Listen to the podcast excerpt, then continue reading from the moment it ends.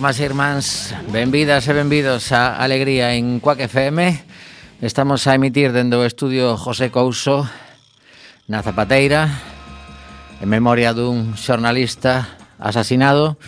E hoxe temos que comezar o programa pois mandando apertas a, a familia e amizades dos dous eh, documentalistas, xornalistas, persoas arriscadas por buscar a verdade, neste caso, David Beriaín e Roberto Fraile que estaban en Burkina Faso, como xa teredes escoitado, pois eh, facendo unha ampla reportaxe, incluso podería ser un, un documental sobre a caza furtiva nese país. Eh, polo visto, pois iban nun grupo grande de, de unhas 40 persoas que foron atacadas brutalmente eh, e, eh, eh, bueno, pois eh, faleceron eh, E unha vez máis, eh, cando non interesa que se saiban determinadas cousas, pois sempre hai alguén disposto a, a calar o que se quere contar. Hai sitios nos que na vida val, os que nos que a vida vale moi pouco. Sí, porque está claro que hai intereses por riba disto eh, e bueno, pois eh, está claro que mm, tamén é moi importante dicir que que apareceu ese, ese cayuco con 17 persoas eh, todas mortas, eh, bueno, é un, un continuo, igual que a muller que onte foi brutalmente asasinada pola súa parella en Cataluña, bueno, isto a verdade é que cada vez que posas as novas pois eh, é para estremecerse a diario do que é capaz o, o ser humano que presumimos de ser seres racionais. Se non o chegamos a ser. A ver, os irracionais non fan cousas semellantes. Bueno, fan o, o que fan é por, por outro tipo de non, de, de supervivencia. O que non, o sea, no, o que non, o que non se dá con tanta frecuencia é o que se chama eh, uh, en etoloxía agresión intraespecífica. Isto é que os membros dunha mesma especie desenvolvan semellante capacidade de violencia entre sí. Pois aí están os seres humanos eh, Como dicía, estamos eh, a martes Hoxe o día de emisión en directo para nós Pero posiblemente ti nos podas estar escoitando pois os domingos ou noutra ocasión E isto segue sendo coa FM en, en directo Pero ao mellor ti nos estás a escoitar agora en mm, redifusión. Mandamos unha aperta tamén para Beo Lume e para Isa Lema que estemos aí na, na reserva nesta tempada de alegría, pero en calquera momento pois eh, saltan mm, do banquillo aquí e voltan ser titulares. Dicir que como podedes imaginar estamos a unha semana exacta das eleccións na Comunidade de Madrid, que parece, pois, non sei, eh, eh que xa non sei como calificar todo o que está a suceder por ali. Eh, a última guerra mediática está eh, ata que punto unha persoa esquizofrénica pois eh, debe ser eh, eh, bueno, xa está posta en liberdade, por certo o home que mandou esa navalla a, a unha ministra e claro, eh, o titular por unha banda é o PSOE aproveita unha amenaza dun esquizofénico para facer campaña e pola outra banda o que fixo, pois no, no, neste caso o Diario Público foi investigar quen era ese esquizofrénico.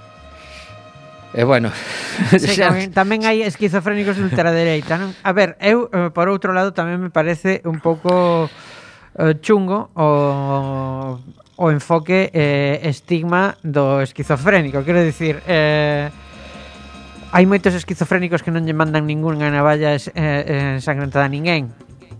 Iso vaya por diante, non? Claro. Eh, Porque que, que, Logo xa veremos. Habría que buscar o, o, a, a cifra, a cifra de persoas esquizofrénicas que hai en España e ver cantos eh, se comportan deste xeito. Logo, o que, que, que, o que ese comportamento este avencellado ou non co trastorno que padece e logo o como de eh, incapacitante ou eximente de responsabilidade eh, pode ser esa ese trastorno, non? Que son moitas cousas. Con todo e con iso, incluso eu son bastante Eu, non sei, eu aprendí naquelo que dicía mm, Concepción Arenal de odia o delito, pero compadece o delincuente. Uh -huh. Eso ven da túa etapa de estudante de Dereito, seguramente. Bueno, penso que é unha máxima humanística Interesante, ¿no? Que, a, ter, a ter aí presente Que debería ter, ter a todo o mundo bastante presente uh -huh. eh, Eu faría un chamado aos medios de comunicación, porque claro, ademais está todo o mundo falando da navalla, se queren falamos das balas tamén, e de outras mo moitas cousas, non? que se produciron durante estes anos e se están a producir e supoño que se seguirán a producir. Eu o que me pregunto é aproveitando que estamos nun medio de comunicación, xa non me vou dirixir aos políticos porque, bueno, eh, o debate político ás veces é eh, se tensa moitísimo, logo ves eses políticos tomando unha caña nun bar os 10 minutos. Quero dicir, hai algúns que están afeitos a facer política dese xeito que eu non comparto, pero que están afeitos. Non? Uh eh, -huh. Pero eu penso que os medios de comunicación son moi responsables de todo isto. Eu estou totalmente de acordo. A acordo. onte, onte unha, unha locutora de outra casa lle preguntaba a Pablo Iglesias se chegábamos tarde e me pareceu dun cinismo a pregunta a, absolutamente insoportable, porque é claro que claro que chegamos tarde. Pero non será porque dende de un montón de sitios non se avisou de que eh, a estrategia para frenar a xente que non comparte o marco de dereitos e liberdades que do que nos dotamos, pois eh, eh, que estaban entrando, estaban mm. entrando, estaban entrando e agora cando teñen 52 deputados, pois claro, é tarde. Sí, sí. Pero ese se tipo que montar un pifostio no seu no seu eh, programa. estudio de radio, no claro. seu programa para que eh, alguén caese da burra e se decatara de que de que caramba, esta xente é perigosa. E logo hai outro problema maiores, que é un problema estrictamente político, eh, que é o do Partido Popular que eh, pues, Seica controlan a historia exactamente igual que eh, Pablo Casado Dereito. Entre pouco e nada. Porque a primeira vítima do, do, do fascismo foi a dereita democrática. Eh, os comeron polos pés. Estás repetindo a historia eh, igual de un xeito un pouco parecido pero se non os comen eh, se non os comen eliminando a súa sigla, o que están conseguindo no caso de Madrid é que eh, a súa candidata pois eh, compre o, o, o discurso ata límites irrecone irrecoñecibles para eh, o que eu consideraría que calquer persoa de dereita democrática que os hai moitos, e supoño que a imensa maioría é eh, para calquera persoa de orde constitucional, digamos, non? Sí, pero aquí sabemos que o objetivo último é gañar e ao final é o que importa e saben que sen sumar posiblemente sin sumar eh, Claro, pero iso non sería persona. gañar Quero dicir eh, eh, Non debería Eu o que penso claro. é que eh, hai persoas que teñen que repensar o que significa gañar Porque gañar non é que teu partido teña un escano máis que, que un escano máis que outro Senón que vai defender o teu partido se vai defender as súas ideas ou se vai defender as ideas doutros e se vai respectar eh, o marco constitucional e os dereitos humanos ou se vai ou vais dedicar a outra cousa. Pois dentro dunha semana e unhas horas saberemos que sucede en Madrid. Polo de agora imos felicitar a un home que é un supervivinte nato Chamase Iggy Pop aunque non é o seu nome real, pero bueno, eh, en dous minutos de canción... Non, pero super, supervivencia... Por eso digo, por eso digo, que os que coñecen a súa trayectoria, que teña 74 anos dende a pasada semana, é un mérito. E que tipín ten, tivo sempre, eh? Sí, sí, sí. sí.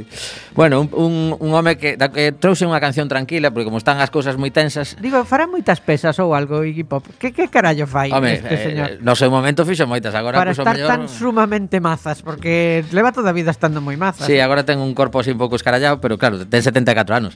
Bueno, imos facer unha cousa. Escoitamos a este home e prometemos dúas entrevistas ben chulas ao longo do programa de hoxe.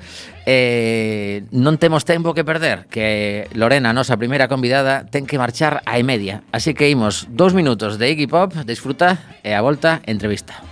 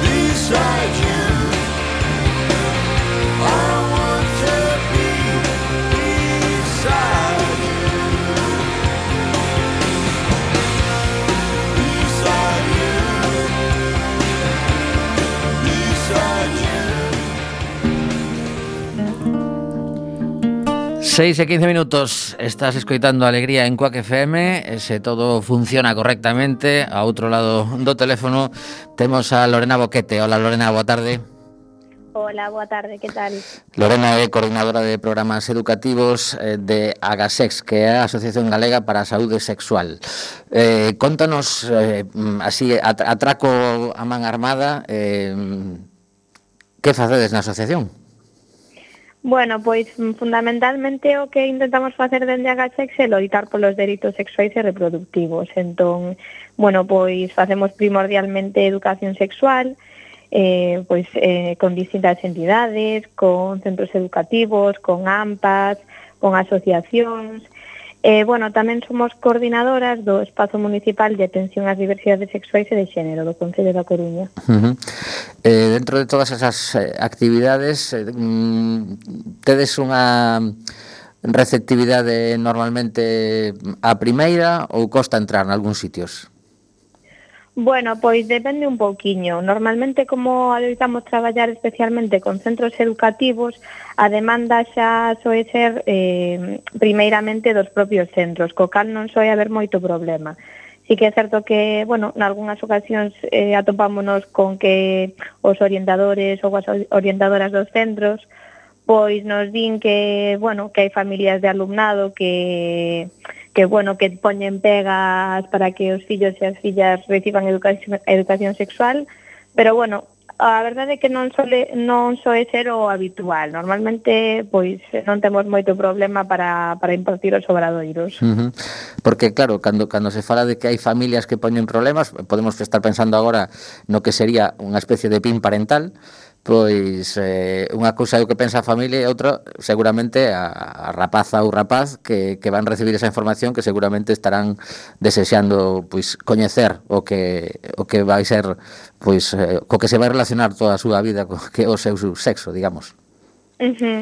Sí, de feito mm, fai en 2019 que foi cando saltou un pouco en prensa o tema do PIN parental e tal, ese ano sí que é certo que en outubro, novembro, cando empezamos a impartir os obradoiros, foi cando detectamos un pouco máis de rexeitamento por parte das familias para impartir os obradoiros. Agora que xa non está o tema pois tan en boga, pois a verdade é que non nos atopamos con tanto tanto un problema, digamos. Uh -huh. Pero o certo é que o propio alumnado adoita ser o que o que o que soe solicitar ao, ao profesorado ou aos propios centros o ter os obradoiros de educación sexual, porque moitas veces cando falamos co, coas orientadoras ou cos orientadores dos centros, eles mesmos ou elas mesmas nos din que, que, que o alumnado está desexando ter os obradoiros, que nunca tiveron ou que xa tiveron pero que teñen un montón de ganas de saber máis, e, e penso que isto é algo moi importante porque ás veces a, a xente pensa que, que cando falamos de educación sexual nos institutos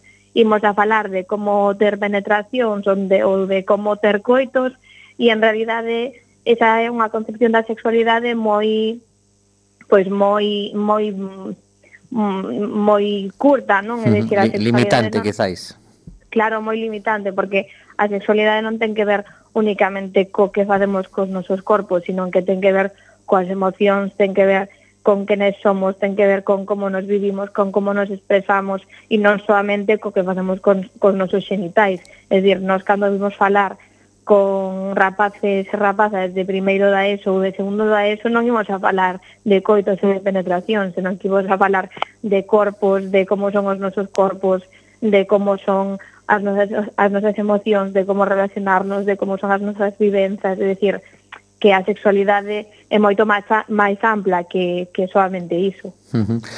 Non sei se si levas, levas anos xa con, con este programa e con outros o mellor eh, e notas que, que non se evoluciona demasiado por parte das, das familias a hora de falar de sexo na casa ou, ou sí que, que hai, hai moitas diferenzas, supoño, entre uns rapaces e, e outros, non? Uh -huh. Pois depende bastante, porque tamén é certo que impartimos obradoiros para familias, e bueno, a realidade é que sempre a, o perfil que te atopas nos obradoiros de familias, pois son nais e son pais que xa teñen vontade por facer educación sexual cos seus fillos e coas súas fillas, e que o mellor o que sucede que non saben moi ben como empezar ou como facer, Entón, sí que é certo que nos obradoiros pois te atopas un montón de, de persoas que teñen vontade de facelo e de facelo ben e, e creo que este perfil cada vez se dá, se dá máis porque se fala cada vez máis de sexualidade, é dicir, a sexualidade, pois, penso que está posta en riba da mesa en moitos espazos, como en redes sociais, quizáis cada vez, cada vez máis tamén na televisión ou noutros medios de comunicación, e penso que eso axuda. Eh, O que pasa é que logo, pois, o que diste tamén, non? Que, que sigue habendo familias, pois, nas que chega a ser un tema tabú e que eso tamén ao final o percibes no alumnado, non? Ti cando vas a dar ta talleres ou obradoiros con co alumnado, moitas veces sí que se percibe esta diferenza de persoas que, que xa che din que, que as súas familias falan deste tema abertamente nas súas casas e ti cando falas eh, de certas cousas te responden e saben un montón de cousas, participan un montón nos debates.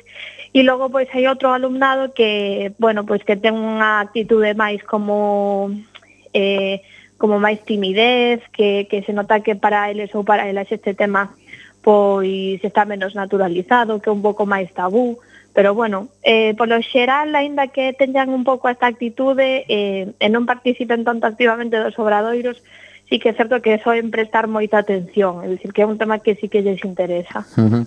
eh, un dos motivos polos que estamos a, a falar con, con Lorena e con Agasex en concreto foi porque mm, de alguna forma saltoume en redes sociais a, a convocatoria que se fixo pois hai poucos días na, na nosa cidade de apoio a Gael que é un, un mozo trans que, que tivo realmente problemas gravísimos no, no, nos, nos seus centros educativos, sobre todo nun deles, polo que estiven a ler, mm. eh, eh, eh claro, son, son casos tan tremendos que, que levan tanto ao extremo. De feito, aí un par de semanas aquí tamén tivemos a, a unha convidada tamén por teléfono que, que pasou unha, unha etapa escolar tremenda por un, un trastorno que tiña que descubriu posteriormente e realmente mm, non sei ata que punto eh, no, no caso de Gael en concreto, por exemplo, pois esa falta de sensibilidade polo, polo equipo directivo, o profesorado e, bueno, por suposto, o, os compañeros e compañeiras que lle facían a vida imposible, un caso tremendo, non? Uh -huh. Sí, de feito estiven estes, estes días lendo noticias do caso e tal, E o que comentas ti, efectivamente, pois é que nun dos centros educativos nos que, nos que estudaba, pois que ao parecer mm, lle facían bullying eh, tanto o equipo directivo como o profesorado pois o apoio que, que recibía pola súa parte era mínimo. E eso ao final eu penso que o que dá conta mm, en gran parte é da carencia de formación que hai cara ao profesorado en, en temas sobre diversidade sexual, porque, bueno, eu misma estou facendo o máster de profesorado de educación secundaria e ao final na formación que recibes non hai ningunha asignatura na que ti fales eh, de diversidade sexual ou de outro tipo de diversidades en xeral, porque xa non é só mm, diversidade sexual, sino que tampouco se fala de diversidade de corpos ou de outro tipo de diversidades que vayan máis lo de mm, dificultades co aprendizaxe ou, co, ou cousas así, non? Entón, penso que este problema parte, por un lado, de que hai unha escasa formación ao profesorado e de que esta formación, cando se dá, pois ao final eh, é dunha forma pois eh, mm, o, o mesmo que dixía antes co, coas familias, non? que quen, quen accede a esta formación é moi de forma voluntaria e porque xa é, é, ten interese e o que ao final Soen ser as persoas que, que menos soen necesitar esta formación, non? Uh -huh. eh, entonces penso que isto parte moito iso dunha, dunha escasa formación eh, por parte do, do profesorado.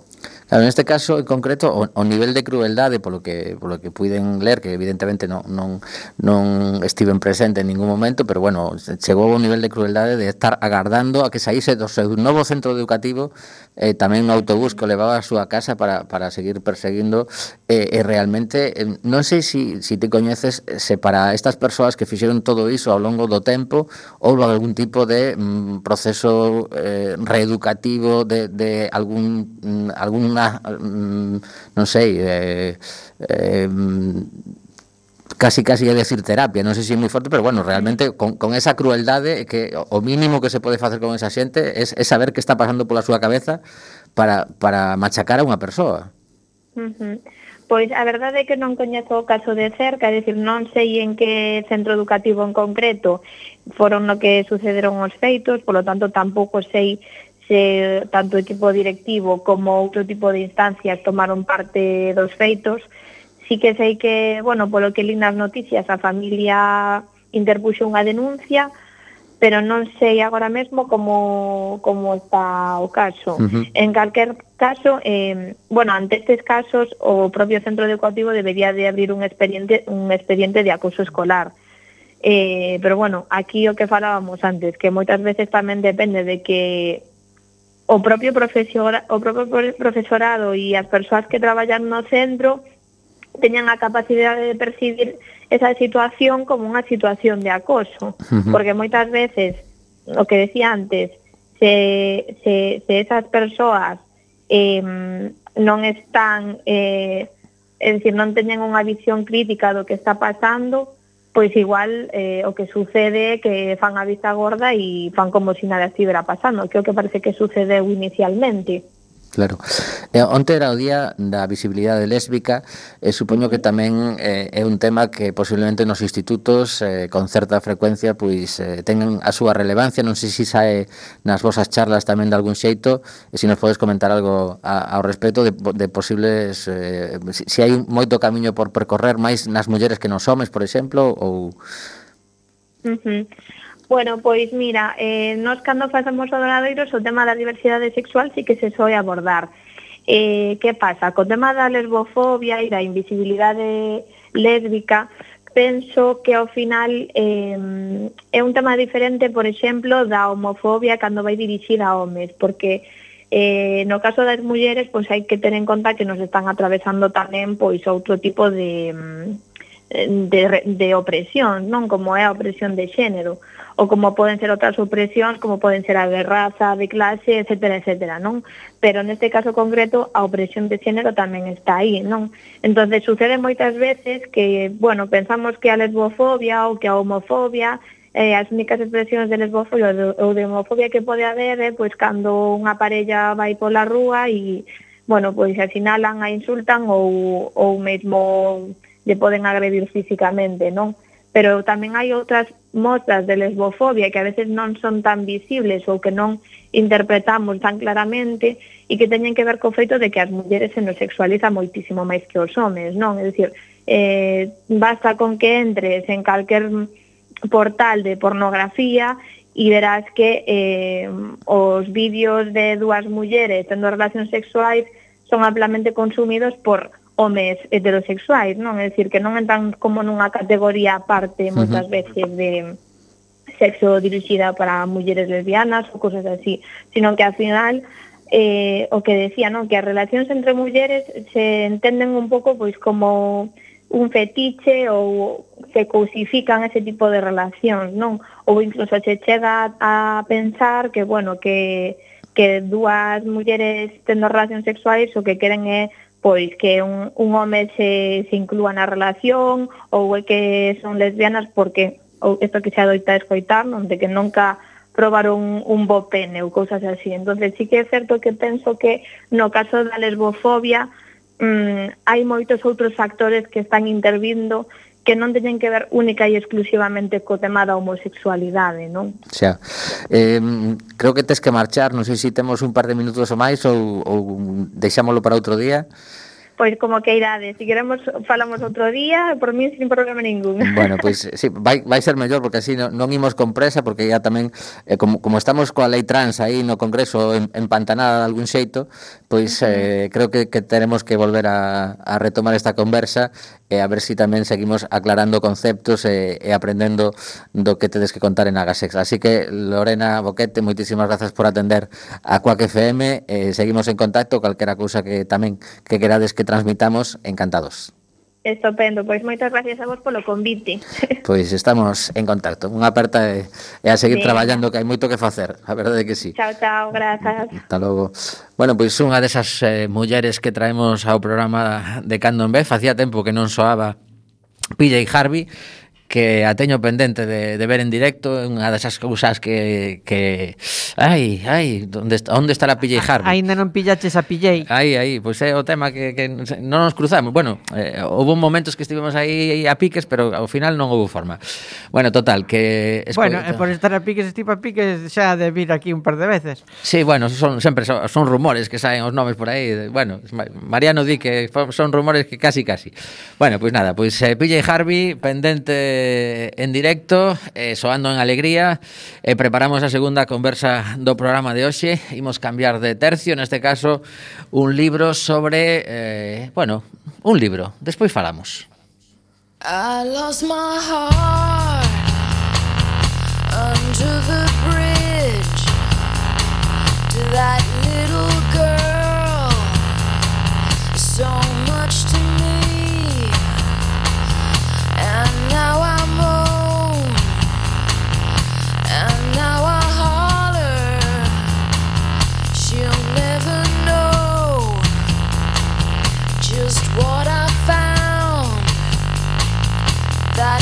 what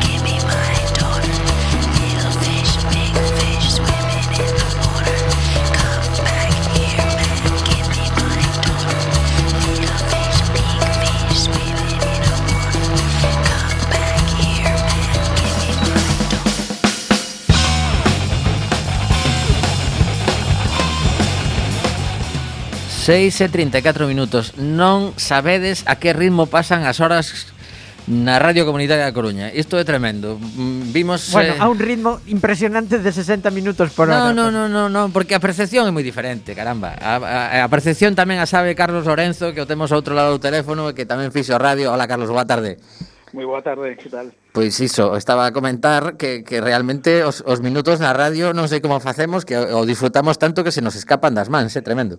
Na, na radio pasaba, bueno, eu recordo, porque xa hai bastantes anos que non fago radio, que os minutos para preparar non, todo o programa corrían moitísimo ainda máis rápido, non daba tempo nunca, estabas entrando no estudio aí como que te con todo un pouco medio a medio facer e, e pois xa no, no que era a propia emisión tamén van rápido. Sí, pero, sí, Carlos. Todo corrían moito na, no preparativo. Eh? Sí, sí. Pero cando quedas curto de produción de repente alónganse os minutos con Ah, bueno, eso sí, eso sí, eh. Non o acaban che, nunca. O cando falla unha entrevista porque o que sei, porque non lle funciona o teléfono ou tal, esos minutos son eternos. Pois bueno. sí, pero hoxe, hoxe imos a, a falar dun, dun libro que ten unha pinta espectacular, buscade en internet no interior do abandono, os autores son Valdo Ramos no texto e Carlos Lorenzo na fotografía. Eh, unha das cousas que estaba pensando eu para, para falar no, na entrevista como o proceso dun libro deste tipo que, que combina imaxes e, e textos é, é moi chulo, non? Porque porque pasa tempo no que cada un vai pensando a súa parte, lo que logo se fusiona, despois chega o momento de revisar a, a obra que vai ir a imprenta, chega esa caixa con un montón de libros, logo comeza as presentacións, é un proceso realmente bonito, non? Sí, a verdade é que a creación dun libro sempre é moi ilusionante, ¿no? Desde o punto de partida, ¿no? A verdade, desde que nace a idea ou, ou xa propoñen hasta, hasta eso, días como pode ser o deste xoves para presentación son, a verdade que ilusión tras tras tras ilusión, ¿no? Eh, se digo, desde o momento en que esa idea, ou xa contan, empezas, e sobre todo se si un proceso compartido como en este, ¿no? que con, pues, bueno, con autoría, con autor, neste caso, con Baldo, sobre todo, ainda que tamén hai unha terceira persoa que, que, que que quizáis eso o culpable de todo isto. Conta, conta, quen, quen é?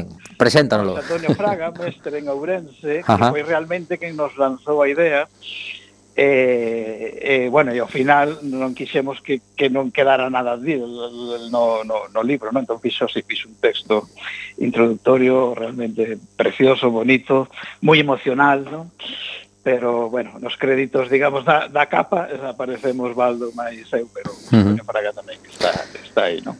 Bueno, para a xente que nos está a escoitar, que sabe que cada martes despois de Alegría chega a xente de Recendo, da Asociación Cultural Alexandre Bóveda, pois estamos a falar con Carlos precisamente porque este xoves 29 de abril, ás sete media da tarde, pois esta obra da que imos falar nos vindeiros minutos no interior do abandono, pois vai ter unha presentación física no Salón de Actos, sabedes que está na Rúa Olmos 16, 18 primeiro, Eh, Carlos, hai que, hai que reservar praza? Como está o tema agora mesmo?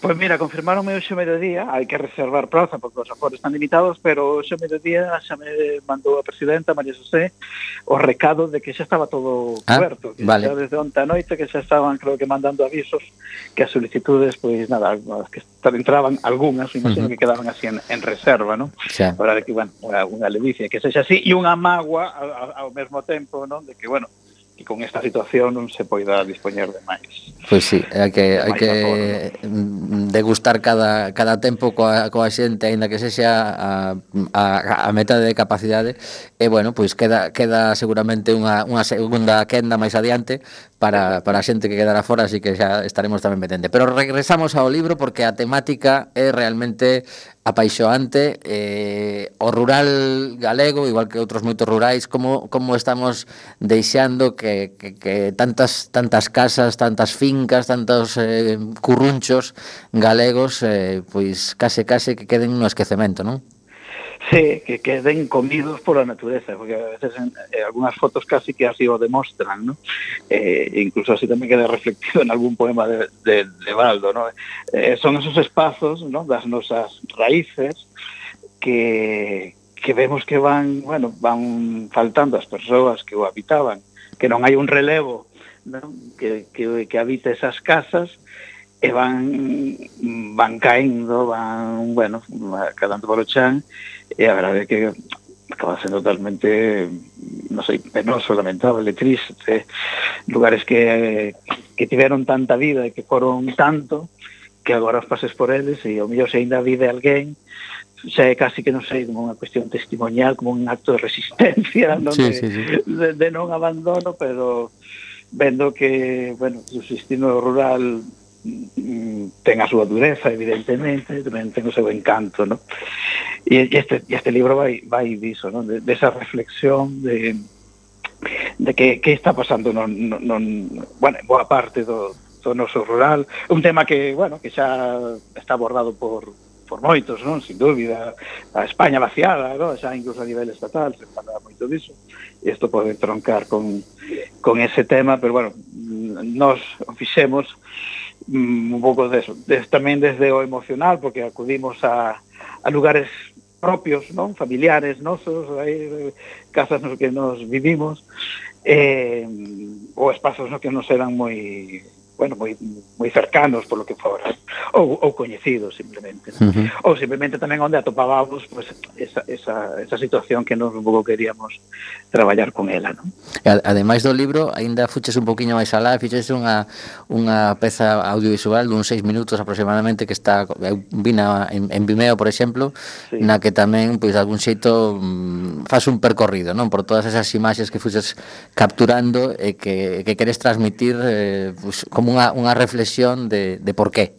Exacto, exacto. Sí, sí, o vídeo ten un pouco esa, esa función eh, de con un poema de Baldo que bueno que, que, que se inicie con esa foto da, da arañeira tan impresionante, ¿no? Si, si alguén ten, se busca a xente tanto en Vimeo como en YouTube, está o vídeo e, eh, e eh, e esa arañeira ca que comeza o vídeo, claro, xa se ve tan densa que debe a araña xa debe estar tan aburrida, o sea, a araña, tan aburrida de tecer nela, porque non hai nada que lle impida que está que parece xa de formigón a arañeira, non? Uh -huh. Eh, e a raíz de, sí, de aí pois pues, non están todas as fotos, pero que case todas as fotos que, que están eh, no libro, pois neste caso, claro, o, como vídeo que é, pois, pues, o audiovisual e unha, e unha canción preciosa que nos, bueno, unha peza canción, non, unha peza musical fabulosa que nos cedeu Moisés Quintas, que tamén o enganchamos así un pouco para esa parte do, do proxecto que te entusiasmou e que uh -huh. era que quedou unha peza bueno, moi chula. Pois sí, eu recomendo que, que adiquen uns minutos a xente que nos escoita eh, como, como era o proceso no teu caso, por exemplo, coas fotografías eh, fixeches unha especie de lista de, de lugares a, aos que visitar, ías preguntando e dicía, ah, pois pues mira, tira por ali porque vas a topar como, como era a expedición? Pues mira, a, a verdade é que eh, foi, foi un proceso bastante compartido entre os tres eh, que eu creo que tamén se nota no, no, no resultado no? Eh, mo, moitos dos lugares fomos os tres no? unha tarde de fin de semana facíamos, bueno, quedábamos eh, e fomos os tres percorrendo eses lugares no? Eh, entón tamén desas conversas deses encontros que te topabas tamén con algún veciño alguna veciña no lugar pois nada, lle preguntabas ou, bueno, chegaban conversa. Dai tamén, claro, sacabas como certa información Baldo para o seu poema, eu para un pouco tamén saber que, que, que ollo poñer detrás da cámara, non? Para saber que captar Eh, e, e digo que se nota o resultado porque mm, si ben eh, Baldo digamos que traballou máis do, do inicialmente previsto porque incluso foi facendo poemas sin ver as fotos pero despois xa cando fixemos unha selección de fotos dixo nada eh, descarto eses poemas e vou facer outros que teñan que entronquen mellor non coas imaxes pero a súa vez eu noto e eu creo que se percibe que que, que non é só que entronca que imaxe, sino co o espírito pouco que compartíamos e que a inquedanza que tivemos o andar por aí. Si que hai fotos que fun facer, porque sempre hai fotos algún par delas que son en Carrala e xa fun eu só, eh, porque as que son compartidas son pola zona de Celanova, as tres compartimos eso, eh, raíces en Celanova, entón pois, foi por onde coincidimos para visitar aqueles, bueno, aquelas aldeas da, da contorna, Pero pois, bueno, eh, andiven a buscar así outros sitios que, que bueno, que pensaba que pudieran un pouco enriquecer o libro e basicamente por aquí pola zona foi Carral onde onde máis proveito poiden uh -huh. poiden poiden sacar, non? O interior Pero, o interior de Ourense é un filón importante, non? Pois sí, eu creo que además é onde máis se nota porque é certo que, bueno, pues, pues, por aquí, comarca da Coruña, incluso sí, comarca de Betanzo, tal, bueno, podemos atopar pues, algún lugar así abandonado, pero digamos que non, non se percibe tanto ese abandono do, do que se percibe no, no interior de, da provincia de Ourense, non? Porque non hai que está abandonada a súa aldea, que ver se está todo abandonado, pues, toda aquela, bueno, contorna que foron, foron os, as terras de labradía, os montes nos que traballaban, os pastos que, que, que non, os que pasía o gando, vese que todo aquilo está decaído, incluso non só casas, non ves pois que pequenas industrias incluso, non? pois dos anos 70, 80, pois unha pequena granxa, unha queixería ou un taller de non sei que, hasta iso tamén esmoreceron, non? Ves que iso tamén está decaído, e, uh -huh. a verdade que aí sí que cae moito máis alma aos pés cando se ve eh, e cae aos pés e digamos que aínda que un digamos facémoslo así ca, ca esperanza e queremos deixar así, bueno, como un pouco o, o ánimo levantado coa lectura do libro, ¿no? Ainda que teña un matiz triste, o que pretendemos é todo o contrario, oye, que, que amemos o noso rural e miremos para el, que o mellor aínda se pode, en certa maneira, eh, recuperar de algún xeito, ¿no? adaptándonos aos novos tempos, pero, bueno, sí que ali se nota eso, hai unha decadencia máis profunda de que non do, do rural pois, da provincia de Pontevedra ou da Coruña. Uh -huh. Igual que, que, se, que se plantexou fai, fai anos a posibilidade de, de fusionar concellos, eh, cada vez eh, vemos que, que o número de habitantes en moitos deles é casi pff, testimonial, se si, si nos descuidamos, pero non hai como un movimento de decir, bueno, a ver, imos poñer un pouco de coherencia nisto, non pode ser que teñamos tantos concellos, tantos eh, alcaldes, eh, concelleiros e que non se que, que non se aproveiten para, para facer un, un traballo conxunto, pero é algo que, que está como como agochado, non sei se non hai interese ou, ou non hai nin forzas, non sei. Eh, eu creo que comple creo que en Galicia o, o tema é bastante máis complexo do que pode parecer, porque hai moitos concellos destes que mellor teñen tan son mil habitantes, pero teñen unha extensión enorme, non? E ao final todos queremos manter os nosos marcos. Sí, eh, bueno, claro, aí está clave, os marcos, os marcos son a clave. Claro, sí, sí, ¿no? sí, sí. Decir, ver os marcos a nosa leida, pero tamén a ver os marcos do termo municipal. Eu creo que todo iso, ao fin e ao cabo, non hai nosa, sei, a nosa idiosincrasia, creo que que, bueno, que marca un pouco esa, eso, non sei, esos límites. E despois eu tamén percibo, né, cando vos estes concellos, eu, por exemplo, un dos concellos nos que estivemos, que no caso dos meus pais, o de Berea, non? que está en Berea. Nova, eh, Berea. Pois pues é, é dos concellos que, que casi nin, eh, que nin me soa. Ni, se, ni se oa, claro. No, no, pues no. Están Celanova e Bande. ¿no? Ajá. Eh, claro, que eso, creo que son, non sei, creo, mil de poucos habitantes. E tal. Claro, o nivel de servicios, eh, todo iso, pois pues nada, é prácticamente eh, nulo. Pero é que tampouco eles nunca viron ao millor, non? Os, os cidadãos ali tampouco nunca disfrutaron dunha cousa millor. Xa. Eu creo que falta hasta ese nivel de demanda, de coñecemento. Funcionan, aí onde se nota máis o tema das cabeceiras de comarca, non? Pois entón, claro, aí Serra Nova acaba sendo pois, a vila non? de todas as comarcas onde calquer tipo de servicio se presta ali. E, pois nos concellos pequenos pois, queda, queda así como, non sei, con esa resignación do lugar alonxado, eh, pobre, eh, e de poucas posibilidades. É unha primeira presentación que fixemos por a zona de Dalimi e tal do libro, cando ainda nos pillaba a pandemia con posibilidades de facer algo principio, eh, hasta dixen, ah, hasta me, me, me cabreo con meus avós e meus pais, non? que parece que sempre me facían ver que, que o da aldea era algo como malo, non? de que había que fuxir. Non? E dicía, entendo entendo tamén ese discurso que que eles pois pues, nada, que ellos obrigou no caso dos pais a emigrar a América e todo iso. non?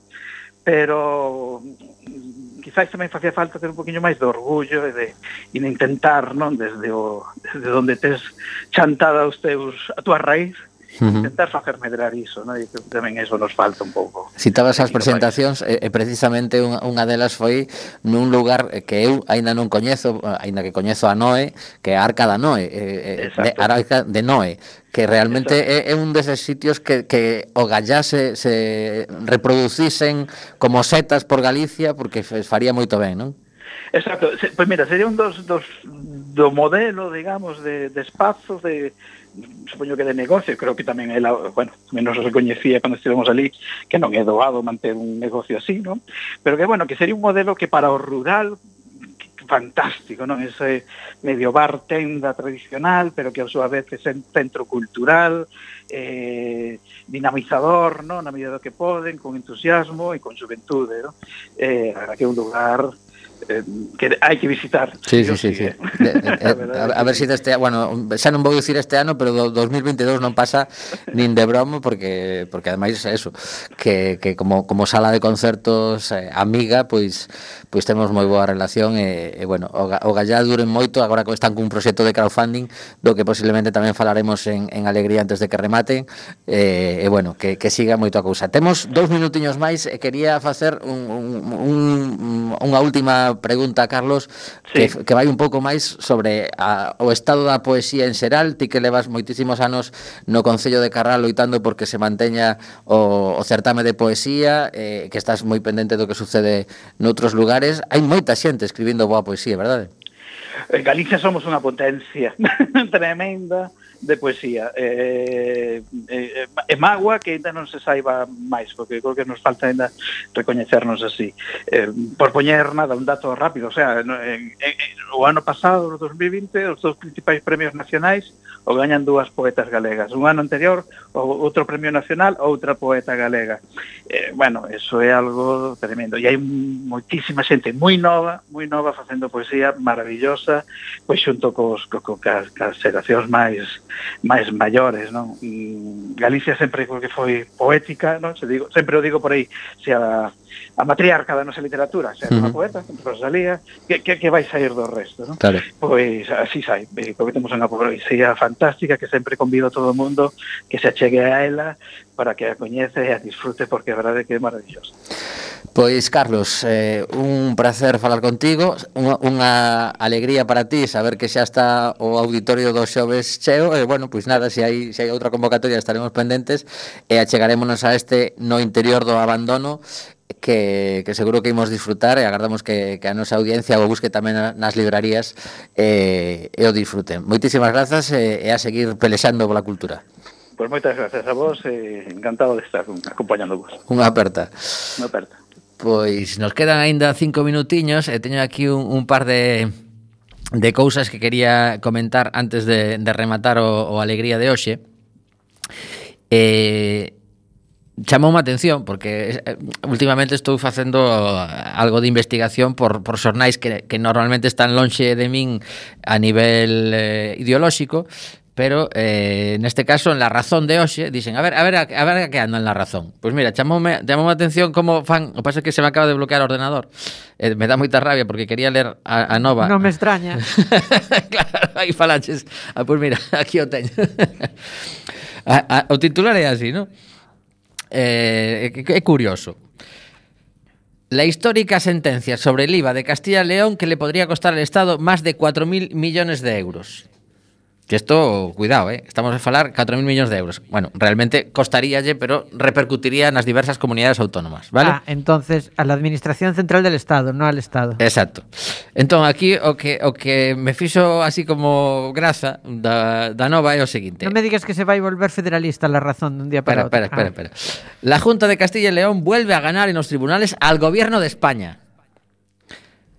El ejecutivo que presude Alfonso Fernández Mañueco consigue que el Tribunal Supremo condene al Estado a pagar a la comunidad autónoma 182 millones por un mes, solo un mes, del IVA no, abonado en la liquidación correspondiente a Tachán 2017.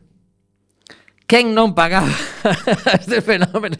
Claro, en lo que se trata de una resolución histórica que podría costar al Ejecutivo de Pedro Sánchez Más de 4.000 millones. es que la redacción es Hai muy... un, hai un, un regaliño que lles deixou Rajoy, non? Claro, claro. Entón, aquí, eh, os tipos que son colegas, Mira, que me debes esta pasta. Ah, pois pues nada, denuncia que por si acaso xa non me toca, o mellor. Lembro aquelo, eh?